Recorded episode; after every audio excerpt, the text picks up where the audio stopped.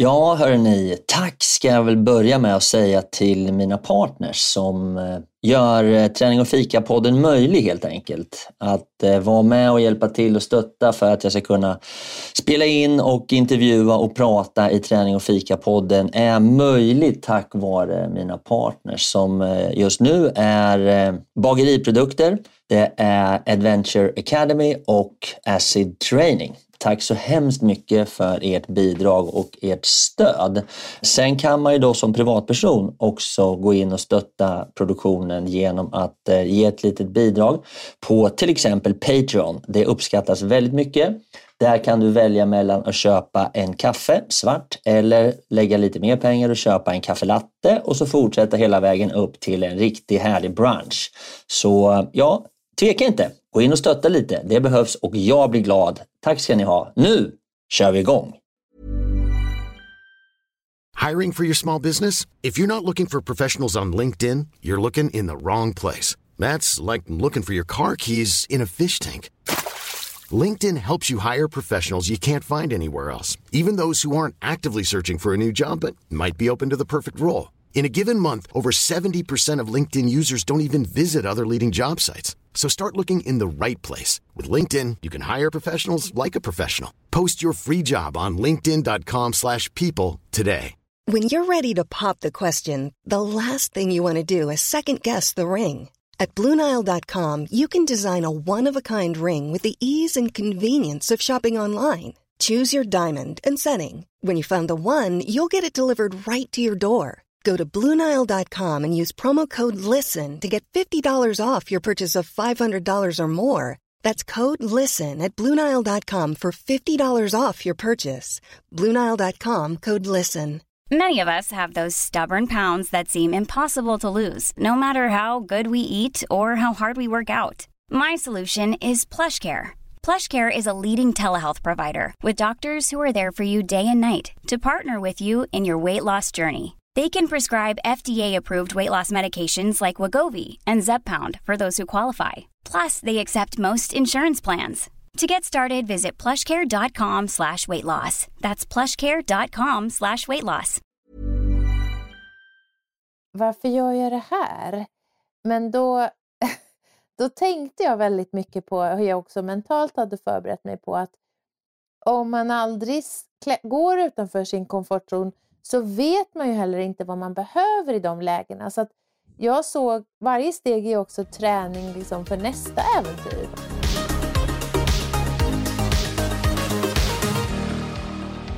Jaha hörni, varmt, varmt välkomna till ännu en fantastisk äventyrsvariant av träning och fika. Så håll i er nu, vi ska högt upp och vi ska långt bort. Äntligen är det dags för äventyr. Tärning och fika, vi kör hårt. Tärning och fika, blåsa på. Tärning och fika går ihop som kaffe och popcorn. Tärning och fika, vi kör på. Tärning och fika, blåsa på. Tärning och fika, nu kör vi! Nu kör vi! Yeah! Jaha du Louise, varmt välkommen tillbaks till våran lilla podd. Träning och fika. Tack Fredrik. Fint att vara här. Ja, hörru du. Eh, ja, det är så kul att ha med dig och det, var, det är alltid bra med dig för då blir det lite äventyrsdrag i podden och det älskar ju jag. Ja, men det känns bra att höra. Äventyr är ju min grej, oftast i alla fall. Ja, det är så himla bra. Hörru du, eh, från äventyr till något helt annat. Vad har du för te idag? Säg inte att du har grönt te för då får jag spad. Nej, men jag har faktiskt inte det. Jag har eh, pepparmintste, örtte idag. Ja, Nej, jag har lite, lite ont i halsen så jag som, idag har jag gjort allt vad jag kunnat för att mota bort det där för jag ska iväg på ett annat slags äventyr nästa vecka så att jag får verkligen inte vara sjuk. Men vad då? Vad Nej, men jag ska på? åka till Gran Canaria med min pappa. På charterresa. Ja. Det här ska bli roligt att ja, höra om. Ja, men det är ju det. Han är ju, eh, han blir 91 år gammal i år han ser inte så mycket, han hör inte så bra, han går inte jättebra. Han är lite dement. Eh, men han vill ändå ut och resa. Så vi ska åka till Gran Canaria ihop. Och han är ju din ja. pappa. Han har ju rest. Sa du att han var, var han, 91 Han blir 91 år? i år.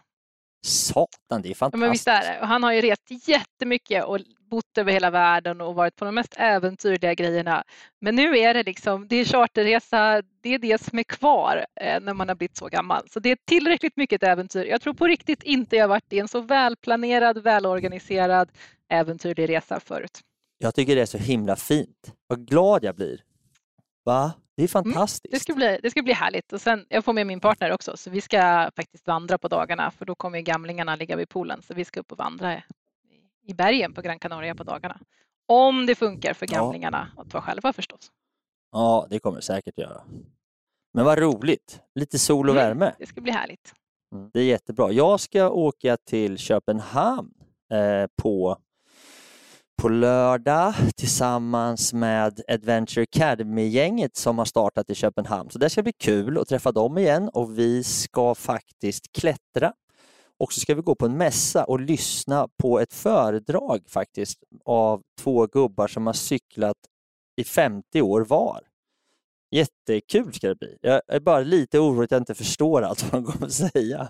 Men det är väl en annan femma. Det löser sig. Så det blir jättekul. Jag ska sova ute, ute någonstans en bit utanför Köpenhamn i tält. Så det eh, ser jag också fram emot att hänga med de danska äventyrarna. Men vad härligt. Men jag måste ju få fråga, ska ni klättra och Danmark, vad blir det då för klättring? Det är ju väldigt platt i Danmark. Det, det, du är så observant Louise. Ja, nej, det blir ju inomhusklättring på ett klättercenter så det ska bli kul. Jag förstår. Så att, eh, ja, hur som helst. Jag dricker såklart kaffe och eh, idag har jag faktiskt inte ätit någon bulle än, men det ska komma, det lovar jag. Jag har nämligen fått bullar från bageriprodukter som jag har i frysen. Jag har inte riktigt fått fram den än så att den är varm, men de är så otroligt goda så att jag ser fram emot det. Och idag så dricker jag fransk rost. Jag älskar mitt kaffe. Hörru du, eh, Louise, vi har ju fått förmånen idag att eh, få med eh, en härlig tjej som kommer prata med oss om att bestiga ett av de absolut coolaste bergen. Men det stämmer det. Vi ska träffa Beata Wickbom som är en gammal elev till oss på Adventure Academy jag minns faktiskt inte vilket år det var. Det känns som att det var förra året, men det var det givetvis inte. Det var flera år sedan. ja, vad heter det? Hon får väl berätta lite grann om när hon gick och det är så som det alltid brukar vara i Adventure Academy att alla sina klasser som de har gått genom alla år, de tycker alltid att sin klass var absolut den absolut bästa och det kommer det säkerligen vara nu igen. Så det ser vi fram emot att höra vilken klass hon har gått. Ja men vad bra! Hörru du, då ska vi väl se till att bjuda in Beata och sen så kickar vi igång med eh, äventyrsavsnittet om Mont Blanc. Då kör vi!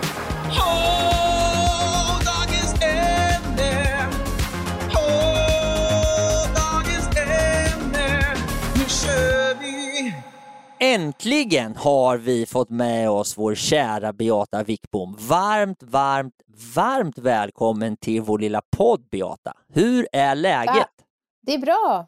Det är ju extra roligt eh, att prata om äventyr, fast det är ännu roligare att äventyra, men att prata om det återväcker minnen. Ja, men jag vet ju på sen Facebook att du har precis varit uppe i fjällen också. Ja, jag har ju stuga uppe nära där Louise bor, i Härjedalen, nära Helagsfjället. Där vi turar med turskidor ospårat. Och det gillar jag mycket. Det såg väldigt fint ut, eh, men jag har också förstått att det var ganska blåsigt. Ja, gud, det blåser väldigt mycket i fjällen det här året. Eller det har bara gjort det de senaste åren. Jag håller mm. med. Det, det, det, har blåst mycket även här. Vi pratade ju sist vi poddade Fredrik om SM i friåkning och den höll ju på att blåsa bort fullständigt här i helgen. Det blåser mycket. Oh. Förut när det blåste det blåste det alltid hård västlig vind och nu blåste det från alla håll. Men det är väl skitbra. Men du Louise, jag måste fråga, hur gick det för sonen? Nej, men inte, han är för gammal så han tävlar inte längre. Men eh, min dotter som är 12, hon tävlade snowboard. Det gick skitbra. Hon kom trea eh, och var supernöjd med att hon var med. Jag var med som huvuddomare och det är ju bland det svåraste man kan göra och det är en bedömningstävling. Att bedöma de här ungarna som är så fantastiskt duktiga allihopa. Ehm, så det, var, det var tufft att sitta där i blåsten ja, och ett tag så blåste det in så pass att vi inte riktigt såg ungarna och då är det ju skitsvårt för ska man avbryta, ska man vänta, vad ska man göra? Det står 20 ungar på start på toppen av ett fjäll som håller på att blåsa bort. Alltså det är, ja, tuff situation. Det är svårt att göra en bedömning om man inte ser dem. Det är väldigt svårt bedöma. om man inte ser barnen. Men det är också svårt att säga att nej, men nu ställer vi in eller nu får ni komma tillbaka imorgon. Eh, ja, svårt läge. Det var tre, en klass vi inte men såg och det var faktiskt en klass inte jag dömde för det var min egen unge som körde. Ja, det var ju bra där då. Det var ju bra där. Vad heter det du eh, Beata, jag och eh, Louise pratade om kommande äventyr och då fick jag också höra att du ska till Mallis, Mallorca. Ja, jag är ofta där och då är jag en ivrig vandrare. Men jag har även en kajak där. Jag har ju tre kajaker. En, eh, en av dem är en hopfällbar jättehäftig sort som heter Oro Kajaks har jag där tillsammans med min pappa. Så att jag ska ner eh, nu på fredag kväll och vandra och vi kan rätt så bra nu så att vi behöver inte gå med någon guide eller så utan vi har rätt många tusen meters toppar som vi gillar med långa dagsturer då. Och ibland sover vi över. Det finns ett fint system. Ja, vart ska ni ta vägen? Vi, jag tror att vi ska göra en topp eh, på lördag som heter Puig Tomir. Allt det här är ju uppe i nordvästra delen av Mallorca i Tramontanabergen.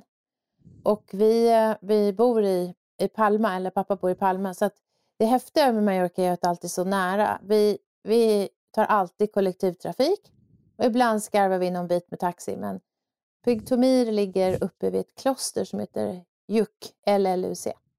Och eh, det är en topp som eh, är underbar för det är en brant klättring först och så finns det några fasta kedjor på ett ställe. Och sen kommer man upp i ett landskap där man rör sig eh, över eh, en stor sträcka är liksom när man nästan ser åt båda håll och man ser även ut över Formentor, den norr, norraste spetsen. Så jag tycker att det är sån härlig utsikt där uppifrån. Och så ser man ner mot Poyensa och ut över Alcudia-bukten. Det är en jätterolig vandring.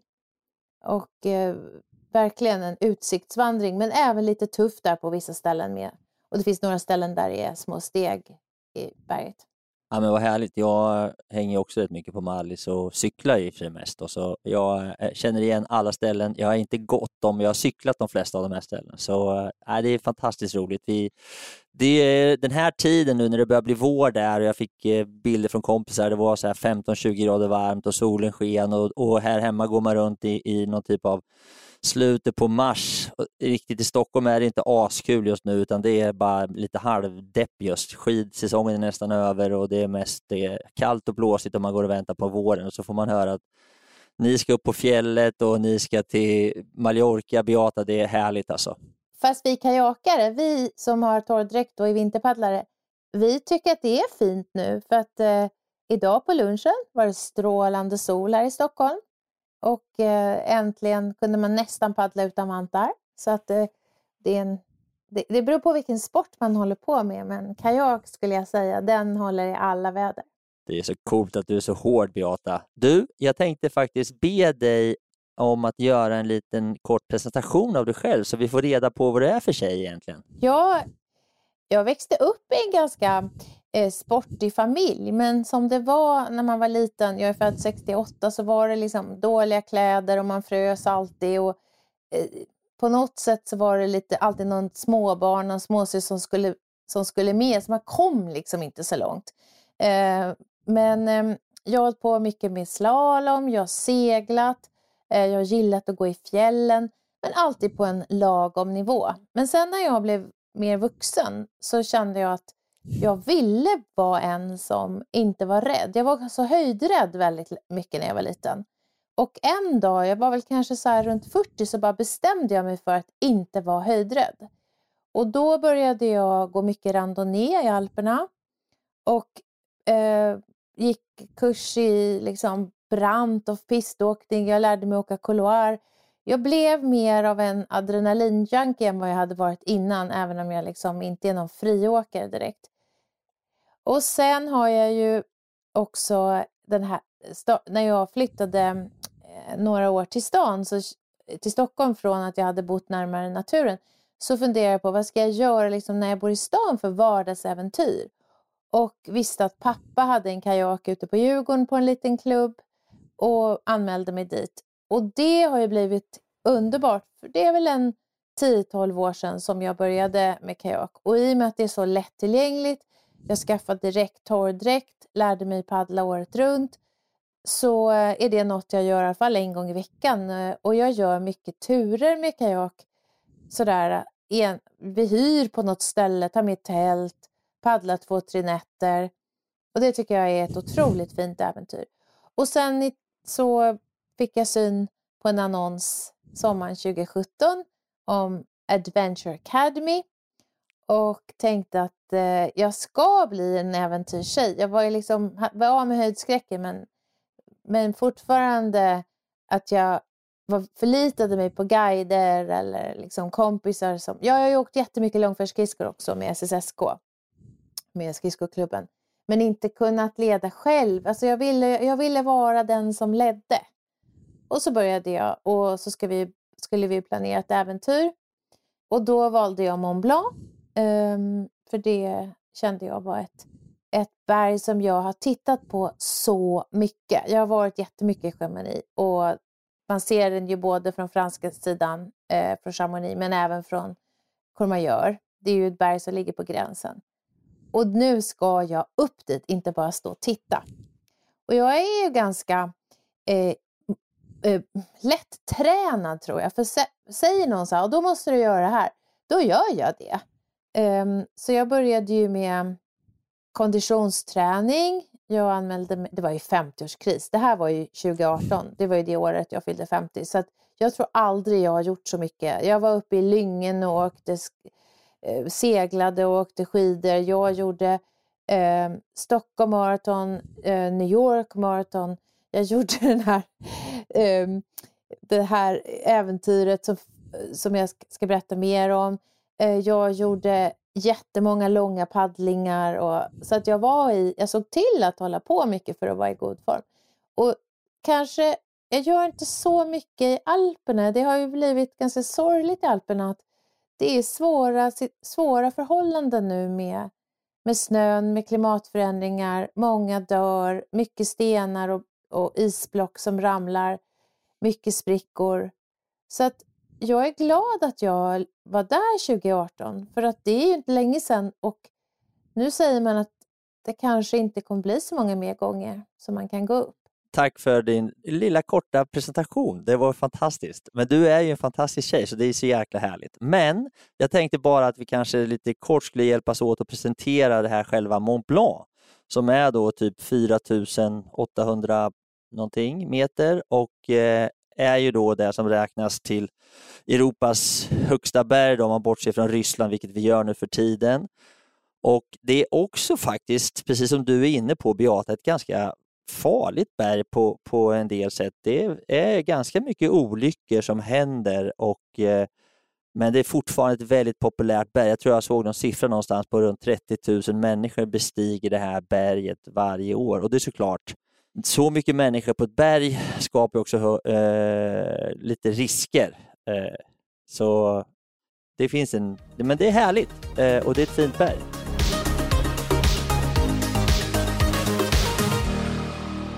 Ja, men Mont Blanc är ett fantastiskt berg i alla fall och jag ska rätta mig lite grann där Beata, det är faktiskt inte 30 000 som bestiger toppen, men det är 30 000 som klättrar i bergen, så bara för att vara lite ordningsam här. Men du, kan inte du berätta lite grann jag och Louise är väldigt nyfikna på att höra lite mer om både din rutt som du valde, hur det gick till, vad som hände och dina erfarenheter om du kan rekommendera någon annan att göra det här tokiga äventyret. Mm. Mont Blanc, när jag bestämde mig för äventyret så visste inte jag eh, exakt hur jag, vilken väg jag skulle gå. Om man går från Frankrike så finns det två vägar. Det kallas det för normala vägen, Gautierhyttan, och via, man sover sista natten på en hytta som heter Gautierhyttan eller så går man via Kosmikhyttan. Det är två ganska olika vägar upp. Men man kan ju som sagt också gå från ita italienska sidan, då heter det Monte Bianco berget. Och jag hade först bestämt mig att mitt äventyr skulle involvera att jag för egen maskin, alltså utan lift eller något, skulle gå från eh, Italien, Courmayeur, och eh, då skulle det vara tre, tre dagars ehm, eh, bestigning. Och sen när jag började planera äventyret så blev det tydligt att förhållandena på sommaren numera med temperaturer i dalen på över 30 grader är så pass osäkra att, det, att man kan inte ha det tidsfönstret längre. Så att jag bestämde mig för att eh, faktiskt använda den liften som går från eh, Chamonix upp till eh, Aiguille på 3800 meter. Då har man ju gjort en rejäl eh, bestigning.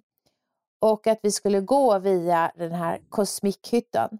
Och i, jag började planera ordentligt i januari 2018 och i februari 2018 så åkte jag till Chamonix för att hitta en guide. För jag ville känna mig bekväm med guiden. Jag ville att jag skulle förstå eh, att, vi skulle, att personen skulle prata bra engelska alternativt svenska så att jag verkligen förstod eftersom man är så beroende av sin guide. Och man går ju en klättrare på en guide när man går. Och då fick jag tips om Ulrika Asp som har bott eh, i över 30 år i Chamonix och som också var en del av deras klätterorganisations säkerhetsteam. Så det kändes ju betryggande. Och då var det så här att eh, det, det som man framförallt måste träna på det är ju uthållighet. Alltså, det, det handlar inte så mycket om teknik för att vi, det är ingen isvägg eller så som man klättrar. Men du eh, Beata, hur är det med höjd då? Är du höjd, för det är ganska högt? Ja, när man gör en sån här sak så handlar det mycket om akklimatisering och det betyder att man vänjer sig vid höjden. Så vad jag gjorde var att jag anmälde mig till ett UCPA-läger veckan innan det planerade datumet. Och det hette Preparation Mont Blanc, så att det var alltså förberedelse för Mont Blanc. Och då höll, höll vi oss ganska mycket uppe på hög höjd.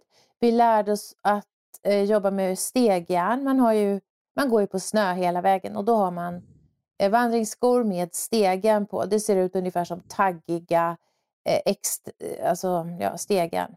Eh, ni kan se, det ser ut som bro, jättestora broddar med ganska vassa då, taggar som ska kunna gå på ren is. Och sen har man en isyxa hela, hela tiden som man också ska lära sig att hantera. Och sen så håller man ju på mycket med rep. Och den här kursen var jättebra för att de första Eh, tre, fyra dagarna så höll vi bara på med olika tekniker för att liksom fira oss, eh, gå, gå brant, gå ner för vilket det oftast då olyckor händer för att man blir man är trött och man tycker att det är lättare. Då går man lite som Charlie Chaplin för att man vill inte att fötterna ska nudda varandra för att de här stegen ska haka i varandra.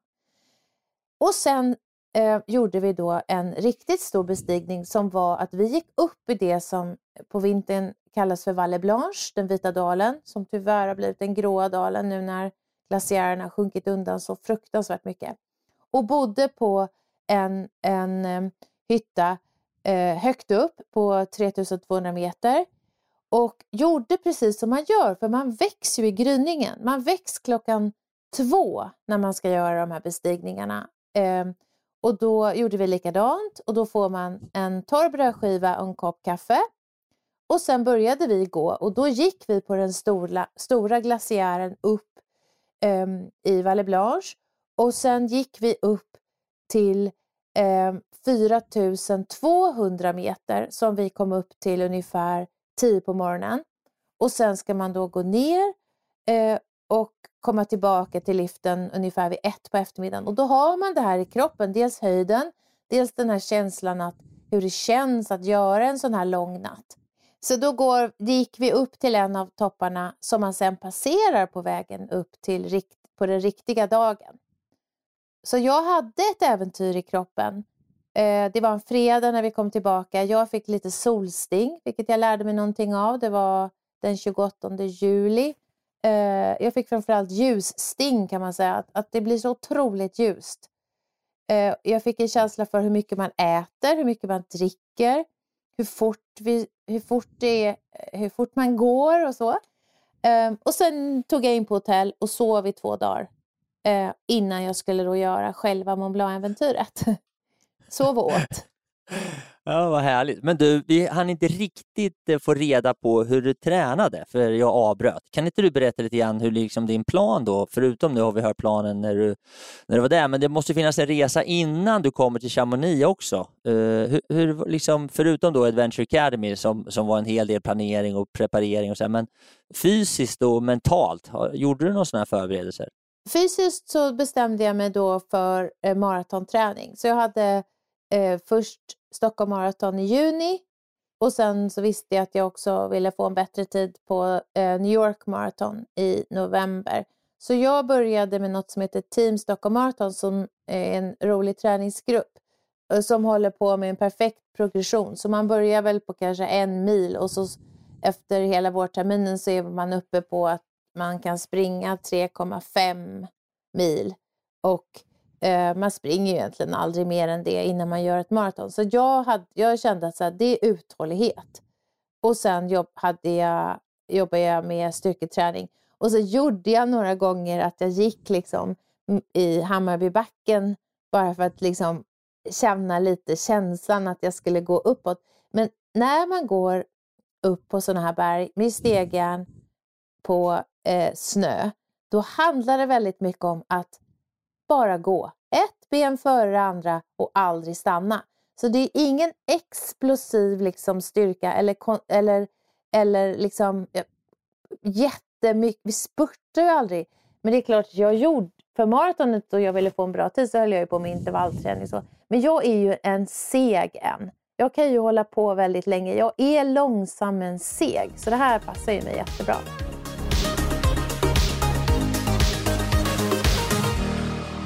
Jaha, hörru du, men nu är ju både jag och Louise väldigt, väldigt nyfikna på att få höra hur det då gick till morgonen, eller vad säger jag, natten 02.00 när du bestämde dig då, idag händer det. Vad, hur går det till då liksom? Hur många var ni och, och liksom väder och hur kändes det? Vad hände? Berätta, ja. ta oss med upp till toppen nu. Men ja, då åkte vi upp på eftermiddagen eh, dagen innan och eh, då kommer man ju upp på Egidio Midi och det var ju svinvarmt eh, i solen.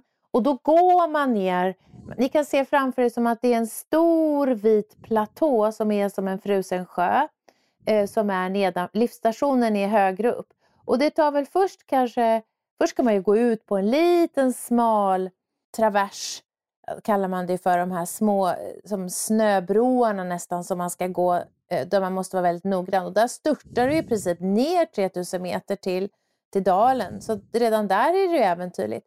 Och sen går man ner och sen går man upp, kanske tar en halvtimme till den här kosmikhyttan. Så säg att vi var där uppe någon gång vid fyra fem kanske på eftermiddagen.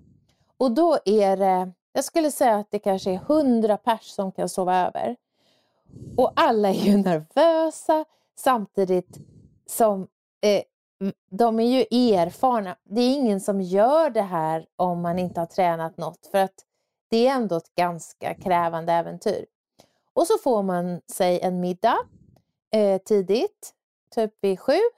Eh, ingen dricker vin, alla dricker mycket vatten. Och så tar vi fram de här små sidenlakanen, ni vet sådana här som man knappt kan röra sig i. Och Eh, lägger fram alla grejer och så är det så här, sov nu för fan. Liksom något, man kan ju inte göra det här helt osövd. Och det är ju det läskigaste, så på med öronproppar, på med, med eh, ögon, öron, eh, vet du, ögonmask. Och så ligger ju alla de här snarkande franska guiderna där med alla sina nervösa gäster. För man är ju en, en vandrare på en guide. Då. Och sen ringer väckarklockan och då är folk så otroligt otrevliga för de är så fokuserade. Det handlar bara på med grejerna som man har tränat på ganska många gånger. Glöm ingenting där i mörkret. Det är helt becksvart ute. Och eh, hämta den där torra brödbiten och kaffet. Och jag tror jag tog någon bar också. Men eh, man får inte heller äta annorlunda än vanligt för man vill ju helst inte liksom stanna och stanna och bajsa, för det är jobbigt när man har på sig sele. Och sen på med, eh, med klätterselen, på med pannlampan och sen började jag och, och så eh, band vi in oss i varann och då går man ju så att guiden går före när man går uppför och bakom när man går nerför. Och sen börjar vi gå. Det är helt becksvart och vi vet att vi går på en platå med krevasser med sprickor. Och sen börjar vi gå eh, framåt på samma nerväg som jag hade kommit för fyra dagar sedan när jag hade gjort den där långa helnattsgrejen upp mot Montakyl. Och eh, så går man upp, upp, upp, upp, upp och någon gång eh, efter sådär två timmar så kommer vi till en passage där det är fasta rep. Nej, det är, ja, det, nej, det är inte fasta rep förresten. Det är, det är bara isskruvar. Och där blev min guide Ulrika ganska irriterad på några australiensare som var långsamma. För det handlar ju väldigt mycket om att man vill bara gå på utan att stanna för att komma ner så fort som möjligt för att orken ska räcka och för att ja, helt enkelt man vill inte vara där uppe för länge. Och de mm. tjafsar lite och liksom vill inte släppa förbi oss och de har många fler. Och där, där klättrar vi ju liksom med, man har ju de här stegjärnen har ju även spik, de här vassa taggarna som en såg på framsidan av foten på tårna. Och då slår man ju in dem i väggen när man klättrar upp i det där bäcksmörkret. Men då kom vi upp på en plats där man kunde ana ljusen nere i dalen. Och det var fortfarande mörkt, klockan var kanske fem på morgonen. Och när jag hängde där, då kände jag lite så här, eh, varför gör jag det här? Men då, då tänkte jag väldigt mycket på hur jag också mentalt hade förberett mig på att om man aldrig går utanför sin komfortzon så vet man ju heller inte vad man behöver i de lägena. Så att jag såg, varje steg är också träning liksom för nästa äventyr. Och har du aldrig gjort det så kan du inte komma ett steg längre sen. Och det var väldigt häftigt eh, att vara där. Och sen höll vi på så där fram tills att det börjar ljusna. Och det är kanske då som det är som allra, allra mest magiskt. Men det är kanske den här första reflektionen som du bor på, den här kosmik, det har jag också varit och den är så här, det är nästan som en liten chock när man kommer dit för det är så, det är så liksom, vad ska man säga, så här, det är så franskt, det är så, det är så, det är så bistert, det är så, det är så liksom, vad ska man säga, liksom, det, det, alltså, det är lite konstigt ställe och sen den här frukosten som man då ska få den är, så, den är så katastrofalt dålig så att det finns liksom ingen begränsning i hur förbannad man blir när man är där och ska äta frukost. Och så vet man att man ska upp och prestera, man ska göra massa saker och man bara, fan, alltså det är helt värdelöst. Och det är så trångt och det är så rått på ja, något sätt, eller hur? Så helt det är så, underbart. Ja, och det är franskt så det förslår. Ja. Alltså, det är så jävla sjukt det där. Och det är som en chock. Alla vi är de entusiasterna som gillar samma sak. Alltså vilket lyxigt ställe. Mm. Men hur är det Beata på Mont Blanc? För man har ju hört mycket från Everest att det är mycket köer och jag har bestigit Kilimanjaro där det är mycket köer och du nämnde de här australiensarna att de var långsamma. Blir det mycket köbildning där på Mont Blanc eller är Nej, det liksom begränsat? Att, eh, så att sen, ett... eh, vi gick ju den här andra vägen då, den så kallade svåra vägen. Det har blivit så mycket köbildning på den andra delen som heter Gotéhyttan. att man har, och där har också folk kommit lite så inspirerade av sådana här trailrunners och de här mest extrema som kommer springande i shorts och liksom kanske knappt eh, skor med broddar. Och sen händer det något och så måste eh, räddningstjänsten rycka ut. Så nu har man dels satt upp någon form av bom där, bara för att räkna antalet personer. Jag tror att det är ett snitt på 100 personer om dagen. Och att man har någon form av utrustning med sig. Men den vägen vi gick, då går man över, det som är annorlunda med den är, först går man upp på en topp, sen går man lite ner igen, sen går man upp på en topp till. Och det är först vid sex på morgonen som man kan se Mont Blanc. Innan har vi aldrig sett toppen för det ligger gömt bakom ett annat högt berg. Så det är därför den blir jobbigare. Och då ser man det och då var det alldeles rosa-orange. Och det var liksom första gången som vi hade lite folk framför oss. Men de var inte mer än kanske 50 meter framför oss. Och, den, och just den sekunden vi kom upp på toppen så var det eh, mål. Och då var vi kanske 10 pers där som alla skrattade och tjoade. Vi tog någon bild till Adventure Academy och, och gjorde några små skutt. Och sen så gick vi bara ner igen. Och så fort vi började gå ner igen så eh, var det eh, sol. Och du ser ju otroligt långt. men den skönhetsupplevelsen där när solen går upp och berget blir rosa och då ser det mer ut som ett vitt, bara snällt fjäll. Det, det är inte så brant då. Man bara går uppför. Det är den liksom minst branta delen, är den sista en och en halv timmen. Och du vet att det här går ju bra. Jag mådde ju aldrig illa. Jag hade ju, alltså jag var ju, hade ju inte några problem. Jag var så pigg. Och eh, inget problem med liksom att dricka, kissa, inte för många gånger. Och, ja, det, det blev helt perfekt. Och vi, hade, vi bar ju väldigt lite eh, också, så det var inte tungt. Och sen det jobbiga när man börjar gå ner är ju att det är jobbigare att gå ner, det är lättare att halka. Och sen blev det ju så himla varmt. Alltså det, det som hade kunnat hända var typ värmeslag. Men även eh, när vi kom ner så såg vi en person som segnade ner ganska nära eh, Kosmikhyttan. För vi hade bestämt att vi skulle gå tillbaka upp. För det hade jag bett om. Att vi skulle gå tillbaks till hyttan, sitta där och äta en stor omelett, en öl och gassa i solen och se alla de här andra nervösa människorna komma. Och sova en natt i lugn och ro innan vi åkte ner igen. Så vi fick liksom en natt innan jag ens visste hur någonting skulle se ut. Och en natt där jag var så här, kände mig, I know this thing, jag har gjort det, been there. Så det var väldigt roligt.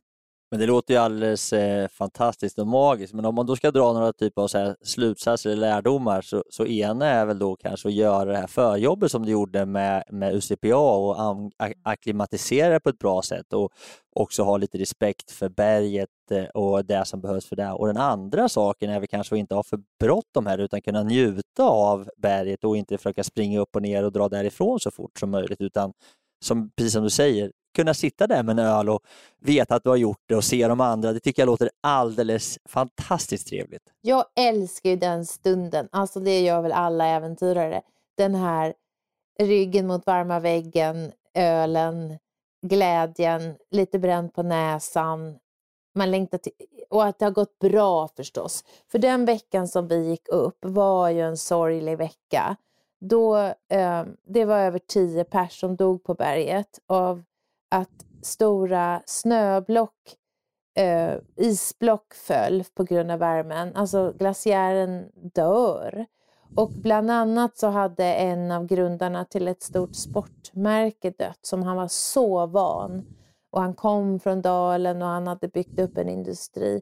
Så att det, var, det var ganska så här... Jag sa till Ulrika att jag har absolut inte tänkt att göra det här för att riskera livet. Och vi måste vara, vi måste vara kloka och, och det ändrades ju det, från dag till dag. Och det som var väldigt gripande och väldigt sorgligt var att hon sa att snart kommer inte jag kunna guida mer för att jag känner inte igen berget. Det ändrar sig så mycket mot vad det har varit. Eh, eller jag kommer känna igen det, men det kommer se annorlunda ut varje gång. Um, så det fanns en liksom känsla där att kanske är det inte många somrar kvar. Det fanns ett vemod på berget tyckte jag. Vet du hur det ser ut idag ja. där Beata? Är det fortfarande business as usual och många som bestiger eller är det konsekvenser av, av klimatförändringarna att det är färre som, som kan gå upp på grund av riskerna? Har du koll på det? Jag vet inte, men, men jag läser ju mest tidningen på sommaren. Jag brukar följa sådär på sommaren, lite alerts. Och eh, jag skulle nog inte göra det en gång till på grund av riskerna. Gud vad tråkigt att höra. Man blir ju väldigt peppad av att höra din resa upp, men man blir också lite deprimerad av att höra hur berget mår och vad som händer med miljön. Och för oss som tycker det är kul att stretcha lite grann på saker och ting så finns det ju en skör gräns nu då kanske då att stretcha på det för mycket. Eh, det, är, det är, man ska ha respekt för både klimatet nu men även de här strapatserna. Det är så här, sommaren efter så gick jag upp på Gran Paradiso som ligger i Italien, ganska nära mm. Courmayeur. Och det är Italiens mm. högsta berg och där var riskerna mindre. Det är ett lite lägre berg men det är fortfarande upp i ottan, gå med pannlampa i mörker och så. Så att det är klart att det finns, eh, det finns andra berg. Det finns extrema glaciärer på Mont Blanc. Jag tror att det finns vissa partier där som är farliga men man kan välja andra berg. Och jag och Louise älskar ju Helags till exempel i Härjedalen som inte har där är inte samma risk att det ramlar ner ett, ton is i huvudet på en. Men det där tycker jag är en sån otroligt viktig grej att komma ihåg att det finns, man behöver inte åka på de här allra, allra mest välkända, att det finns så fantastiskt mycket äventyrliga grejer att göra som, inte, som är till viss del extrema också, men som inte omfattas av samma risker och det är inte samma belastning på klimatet och så vidare. Så det där är det, till exempel att alla ska upp på Kebnekaise och att det är, det är kö och det är mycket folk och det är mycket nedskräpning och så vidare. Och så vidare. Varför ska jag lägga dit när vi har så mycket andra fina toppar eh, också? Så det är väldigt typiskt, eh, men precis det där du säger att det finns, det finns mycket annat bra att göra också, annat kul och äventyrligt. Ja, men Beata, vi älskar ju berg och vi älskar Mont Blanc. Kan inte du dela med dig av några av dina funderingar och kanske tips för att få så mycket stöd och hjälp som man kan och sen eh, kanske så småningom vilja bestiga det själv, även fast eh, det är ett tufft berg att bestiga nu för tiden? Jag tycker det första handlar om att eh, hitta en period när du vill åka när det inte är jättevarmt. Man ska inte åka i juli tycker jag, för att eh, det, då är riskerna som högst. Det andra är att eh, inte ha för kort om tid på dig. Därför du vill ju jobba med vädret. Och eh, då kommer också tips nummer tre som handlar om att klimatisera sig till höjden. 4800 kan vara en barnlek för dig och en nästa dag, en dag och sen en annan dag så är det inte det. Det beror på jättemycket liksom med, eh, i kroppen och hur du mår och vad du, hur din disposition är. Så att du måste ha varit på en akklimatiseringsdag för att känna, klarar jag den här höjden? För gå och må illa och kräkas och ont i huvudet, då är det ju ingen njutning. Och sen hitta eh, en bra guide. Eh, guiden är den du gläds med, det är den du ska känna dig trygg med. Eh, jag skulle nog inte våga gå med någon jag aldrig har varit ute på berget med. Så att ha en träningsdag och ha pengar till det, så att du inte snålar. Alltså det här är ju ditt liv och din upplevelse du ska göra. Och sen så tror jag också eh, att eh, det var roligt att ha gjort något liknande så att du vet ungefär hur ska jag käka, eh, hur känns det den där natten liksom att gå där i, i mörkret med pannlampa. För att det, det var en chock att komma ut första gången och gå två timmar i bäckmörker och veta att du går över krevasser med stegen. Så de sakerna skulle jag nog säga. Ja, men det är alldeles underbart. Jag kan eh, bara understryka, Beata, jag anser mig själv vara hyfsat vältränad och har varit mycket fjällmiljö, men så fort jag kommer över 3000-3500 meter, då kraschar jag alltid. Så det, jag, alla de tips du gav här tycker jag är by the book. Har du något mer att bidra med? Har du en annan fundering Louise gällande att ta sig upp på så där hög höjd? Men alltså, jag tänkte faktiskt på det nu när vi sitter här och pratar, varken Beata eller jag är, är purunga längre, men det finns ju faktiskt en hel del forskning som säger att eh, kvinnor klarar hög höjd bättre och ålder är en faktor som är positiv i det här fallet vad det gäller hög höjd. Det finns inte jättemycket kring just hög höjd så då, med forskning på. Men, men det är väl en faktor att om man är kvinna och lite äldre då klarar man ofta höjden lite bättre. Det tycker jag är rätt coolt. Någon gång ska vi ha ja, något igen faktiskt. Ja, men det är så gött. Ja, men tack så hemskt mycket för våran lilla tripp upp och ner för Chamonix. Jag tänkte faktiskt be dig hänga kvar lite grann Beata, för vi har en del andra saker som jag tror att du har, kan bidra med. Så eh, jag kommer tillbaks till dig. Eh, men tack för nu och tack Chamonix och vi längtar dit Beata.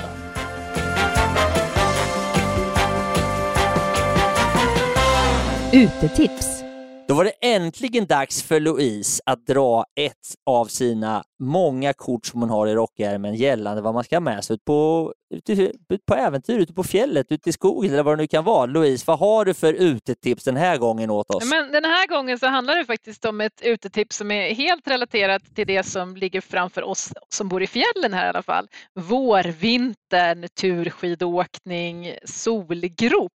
Och vi pratade precis innan här, jag och Beata, om just eh, vad fantastiskt det är att ge sig upp på fjället ospårat med turskidor, skida någonstans och så gräva sig i en solgrop. Men det blir ofta lite kallt och det är någonting som vi har pratat om tidigare här i podden om hur man ska hålla värmen och så vidare. Men Beata hon kom faktiskt med ett fantastiskt bra tips om just hur man kan hålla värmen i solgropen. Vad brukar du göra Beata? Jag brukar ta med mig en fleecefilt och det är som att man tar alltid fram dunjackan och så är man varm upp till och kanske en extra mössa. Men man fryser till slut om benen och man fryser ofta om fötterna efter ett tag tycker jag. Så att den här fleecefilten är perfekt. Den stoppar jag ner i en, en påse som jag tar ur luften ur så att den inte tar så stor plats. Och sen har jag den också gärna eh, på sommaren, eller på vintern när jag paddlar och har torrdräkt och rastar. För då fryser man jättemycket om benen. Det är ju ett superbra tips. Det har jag faktiskt aldrig tänkt på. Jag brukar ha en flisfilt ibland över sovsäcken på vintern för att, inte kondens, för att kondensen ska fastna i flisfilten, inte i dunsovsäcken. Men den där ska få hänga med på vinterturer också. Jag kan lägga till där också för att inte frysa om fötterna kan man ju lägga ett, eh, ett liggunderlag under sig, alltså under fötterna. Det blir ganska härligt värme det också. Det var veckans utetips. Ja, Beata? Jag har ett tips där hur vi, vi har börjat ha varsitt eh, liggunderlag istället för en liten sittplatta bara. Och då lägger man den liksom till sig själv. Så man har en som rygg, man sitter på den och så viker man ner den så att man har fötterna på den eh, istället. Eh, och, och, då slipper man där att man blir kall på baksidan av benen som också kan hända när man har byggt en solgrop. Så gör faktiskt jag också. Det är jobbigt om det är någon som kommer och har glömt sitt liggunderlag så man måste säga, ja men får jag sitta på ditt? Mm, jag hade ju tänkt ta det här själv ja. Då blir man lite ego. Eh, men det är ett jättebra tips. Ett helt liggunderlag till sig själv. Men då har du fleecefilten. Bra grej. Alltså, vilka proffs ni är. Det här känns helt magiskt. Alltså det är på detaljnivå som ni delar med er idag. Ja men hörru ni, eh, då ser vi till att ha med oss ett riktigt liggunderlag och en fleecefilt och sen så väntar vi bara på solen. Tältskvaller! Då var det skvallerdags och jag vet att Louise inte tycker att det är så kul att säga skvaller, men det är ändå lite roligt att kunna ha den eh, liksom, lilla etiketten på det vi ska prata om nu Louise. Vad har vi för något skvaller runt tält eller eldstaden idag då? Tältskvaller. Ja, skvaller för mig det är ju egentligen någonting helt annat men en sak som jag har gått och tänkt på, vi har redan haft det uppe lite granna, det är det här med att det blåser ju så otroligt mycket. Eh, och jag tycker att det har gjort det hela vintern och även tidigare vintrar nu de senaste åren har det varit väldigt, väldigt blåsigt. Och som Beata sa innan också att det, det kan blåsa från alla möjliga olika håll. Vanligtvis här uppe så blåser det nordvästligt, alltså det kommer in från Norge, från Atlanten. Eh, mm. Men nu har vinden kommit från alla möjliga olika håll och, eh, och mycket av den. Och det är ju skitkul om man är kitesurfare eller om det har kommit mycket ny snö och det drevar in på bra ställen. Men för andra så är det ju inte riktigt lika härligt. Eh, det kan ju ställa som, till det lite. Vad händer, ja, eller vad, vad händer då när det blåser så mycket? Ja, men det är inte lika härligt att vara ute. Jag är ju lite av en solskensdyrkare. Jag tycker att det är fantastiskt att vara ute på topptur när det är vindstilla och sol. Eh, när det blåser mycket, det blir lite andra risker. Man är ute och guidar med osäkra människor. Det är ju lätt att de, det har faktiskt hänt mig att de blåser omkull. Eh, och man tar sig inte upp. Liftarna stänger. Vecka 9 var ju en sån grej här uppe. Eh, liftarna var stängda nästan hela veckan. Eh, så det är lite av en, en utmaning ska jag väl säga. Eh, och tyvärr så känns det lite som en trend att det blåser mer och mer. Eh, så ja, jag är lite inne på, på? att eh, ja, det, det, är för svårt att sia om faktiskt. Det, det, vet jag faktiskt inte. Värst Men du kan liksom typ slags... klimat Ja, men om det skulle vara, det finns väl de som menar det att det skulle kunna hänga ihop med klimatförändringar, eh, att det blåser mer helt enkelt. Väder, väder blir mer extremt. Ja, så det är väl det... det är inte jätteroligt skvaller, men det är ju en verklighet att förhålla sig till helt enkelt. Eh, man får väl gå och köpa sig en eh, snökite helt enkelt. Ja, det, men man kan ju inte kite om det är för mycket snö heller, eller för mycket blåst heller. Liksom. Nej, det är svårt så är det. Också. Så, måste... så, ingen tycker att det är kul med, med, med för Nej. mycket blåst om man inte är vindsurfare vind. kanske. För mycket vind vill vi inte ha helt enkelt. Nej, nej, Så det är dagens, äh, veckans skvaller helt enkelt. Vi Vinden. håller tummarna om att det, att det mojnar helt enkelt. Mm, jag hade faktiskt i torsdags vi brukar säga det uh, när man bor här uppe får man verkligen ta vara på dagarna och i torsdags var det sol, helt vindstilla och det hade snöat typ 20 centimeter, så riktigt mjukt, fluffigt kallpuder. Jag hade egentligen massor med grejer att göra på jobbet men jag röjde undan i kalendern och drog iväg på topptur. Det var helt vindstilla.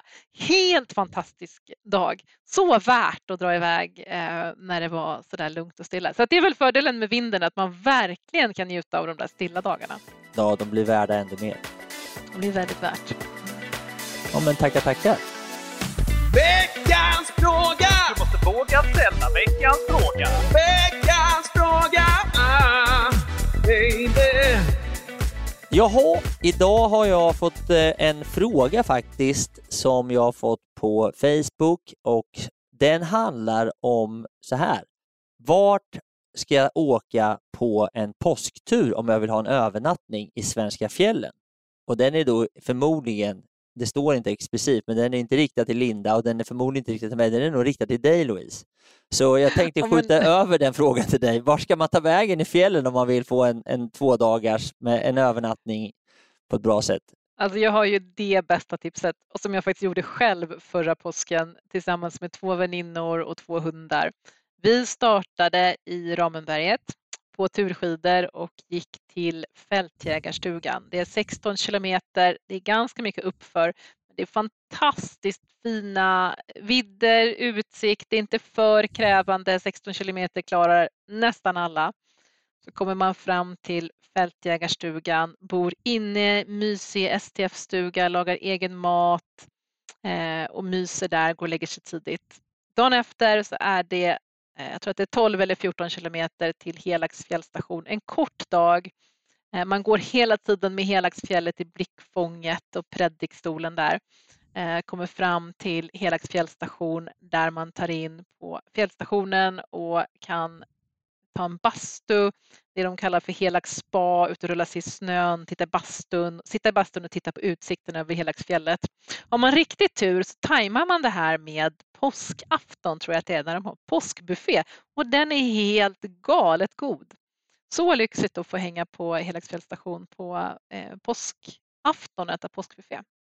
Sen sista dagen, dag tre, skidar man ner till Kläppen till Ljungdalen och tar sig därifrån med någon form av transport då, tillbaka till om man har bil i Ramenberget eller var man nu har bil någonstans. Det är alltså mitt absolut bästa påsktips. Tre dagar på fjället, två övernattningar, en tur som alla kan göra. Den är inte särskilt svår. Den kräver liksom inte en massa förberedelser eller en massa kondition. Helt fantastiskt. Och inte, man behöver inte ha pulka och sånt heller eller? Nej, nej, nej, man går ju med en lätt ryggsäck. En sån här sidenlakan som Beata berättade om nyss eh, som man sover med på hytta.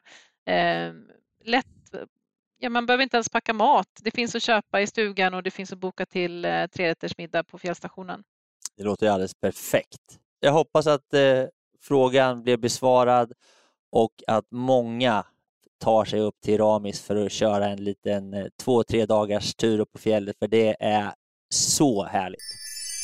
Storytime med Fredrik. Då var det dags för storytime och idag ska jag dra en eh, historia som eh, skedde när jag cyklade genom USA. Och eh, vi kommer då på sluttampen hela gänget. Eh, den eh, 27 juli kommer vi cyklar mot Washington. Och eh, det är en fantastisk cykelväg som vi har in mot Washington. Det är ett gammalt järnvägsspår som de har gjort om till en cykelbana. Och det är helt underbart, solen skiner, alla är i toppform. Vi ser fram emot att komma till Washington och eh, kommer då till ett ställe som heter Leesburg. Eh, I Leesburg så har vi då eh, bilen stående med de två som sitter i bilen och eh, vi ska ha ett byte och tar en kaffe. Eh, det är en jättefin liten by med väldigt trevlig och vi kommer dit och lägger upp våra cyklar och går in i det här kaféet och börjar då beställa kaffe och fixa och greja och eh, ja, men allting är tipptopp förutom att i korsningen där vi sitter, vi sitter då utomhus och fikar, eh, så är det då eh, ett gäng som håller på och gräver i marken. Du vet med sån här stor bulldozer så det bara dånar. Och jag liksom bara, äh, men det här, jag får ju panik liksom. Det här går ju inte och det är fullt inomhus. Vi kan inte sitta inne, inne på kaféet vi, vi sitter där ute. Och eh, vi är dessutom lite så här nojiga över våra cyklar och så vi liksom, vi vill sitta där ute. Så jag går helt enkelt in då och eh, tänker så här, fang de här gubbarna vill väl säkert också ha en fika. Så jag går och köper eh, fem stycken kaffe och eh, promenerar ut till de här killarna i mina tajta kläder och de står där i sina Caterpillar och boots och eh, hjälmar och håller på att borra upp gatan och eh, säger så här Grabbar, här har ni varsin kaffe, vad tror ni om att ta en liten paus medan vi sitter och fikar? Och de ja, ser lite förvånade och skeptiska ut men Ja, ja, liksom säger de liksom. Och så då tar ju de sin kaffe och slutar borra och det, vi blir ju skitnöjda. Livet är toppen. Vi sitter där och snackar och, och dricker kaffe och har det skitbra och peppar inför att komma till Washington. Och jag sitter då så jag ser liksom bort i den här korsningen och då kommer det, se lite grann så här, lite oroväckande, så kommer det då en, ja, han ser ut som en chef helt enkelt. Så han kommer gående till sina gubbar som inte jobbar utan står och dricker kaffe och börjar prata med dem och jag hör inte vad han säger och, och de pekar bort mot mig. Och han tittar bort åt oss och ja, han bestämmer sig liksom med ganska bestämda steg börja gå bort mot oss. Och kommer upp på våran veranda och frågar vem det är som har gett hans personal ledigt. Och jag liksom bara, ja, det var ju jag. Han bara, hur tror du att du kan ge min personal ledigt när de jobbar med att jobba med vägen? Hur tänker du då? Och han är inte så glad och det blir lite sådär oj oj oj. Så jag liksom, ja jag, det var inte riktigt så jag tänkte. Eh, men eh, vad säger du, vill du ha en kaffe? Och han liksom, han är så jävla sur och håller på liksom och jag bara, men du jag, jag ber om ursäkt, det var inte meningen men du vet det lät ju väldigt mycket och vi ska cykla genom USA och hej och liksom och till slut så får jag honom att mjukna lite grann och kan ge honom en kaffe och liksom han bara okej, okay, ni har tio minuter på er, sen måste de börja jobba igen. Jag bara tack, tack liksom. Och du vet när han går därifrån, liksom, vi skrattar ju så håller på att dö och de bara Freddan, det här var ju nära, att du på stryk? Jag bara, ja jag vet, men det gick ju bra liksom. Det var ju så jäkla sjukt. Så vi fick oss ett gott skratt där och när, liksom, när vi hade återsamling här nu och hade filmpremiär, då det var, liksom, det var verkligen en av de storyna som vi drog. Kommer du ihåg när du bad om sluta och han kom gående? Jag bara, ja det kommer jag aldrig glömma. Men det gick ju bra, men det har varit en rolig historia och eh, det var gott kaffe. Killarna vart lite förvånade när chefen kom och undrade vem som har sagt åt dem att de skulle sluta jobba och säga att det var en svensk.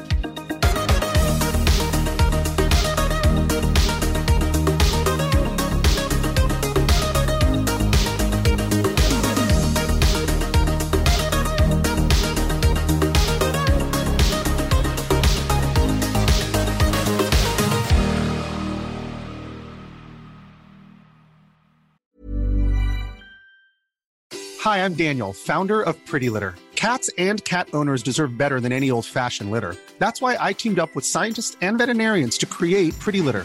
Its innovative crystal formula has superior odor control and weighs up to 80% less than clay litter. Pretty Litter even monitors health by changing colors to help detect early signs of potential illness. It's the world's smartest kitty litter. Go to prettylitter.com and use code ACAST for 20% off your first order and a free cat toy. Terms and conditions apply. See site for details. Even when we're on a budget, we still deserve nice things. Quince is a place to scoop up stunning high end goods for 50 to 80% less than similar brands. They have buttery soft cashmere sweaters starting at $50, luxurious Italian leather bags, and so much more. Plus, Quince only works with factories that use safe, ethical, and responsible manufacturing. Get the high-end goods you'll love without the high price tag with Quince. Go to quince.com/style for free shipping and 365-day returns. Flexibility is great. That's why there's yoga. Flexibility for your insurance coverage is great too. That's why there's United Healthcare Insurance Plans. Underwritten by Golden Rule Insurance Company, United Healthcare Insurance Plans offer flexible, budget friendly coverage for medical, vision, dental, and more. One of these plans may be right for you if you're, say, between jobs, coming off your parents' plan, turning a side hustle into a full hustle, or even missed open enrollment. Want more flexibility? Find out more about United Healthcare Insurance Plans at uh1.com.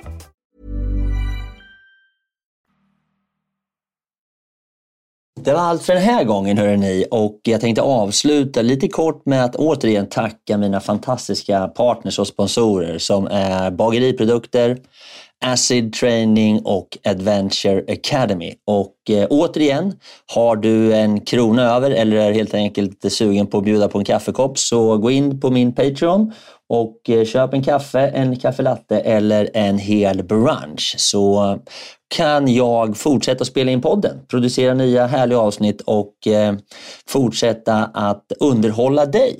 Hoppas du har haft en fin lyssning och att vi snart hörs igen. Tack så mycket.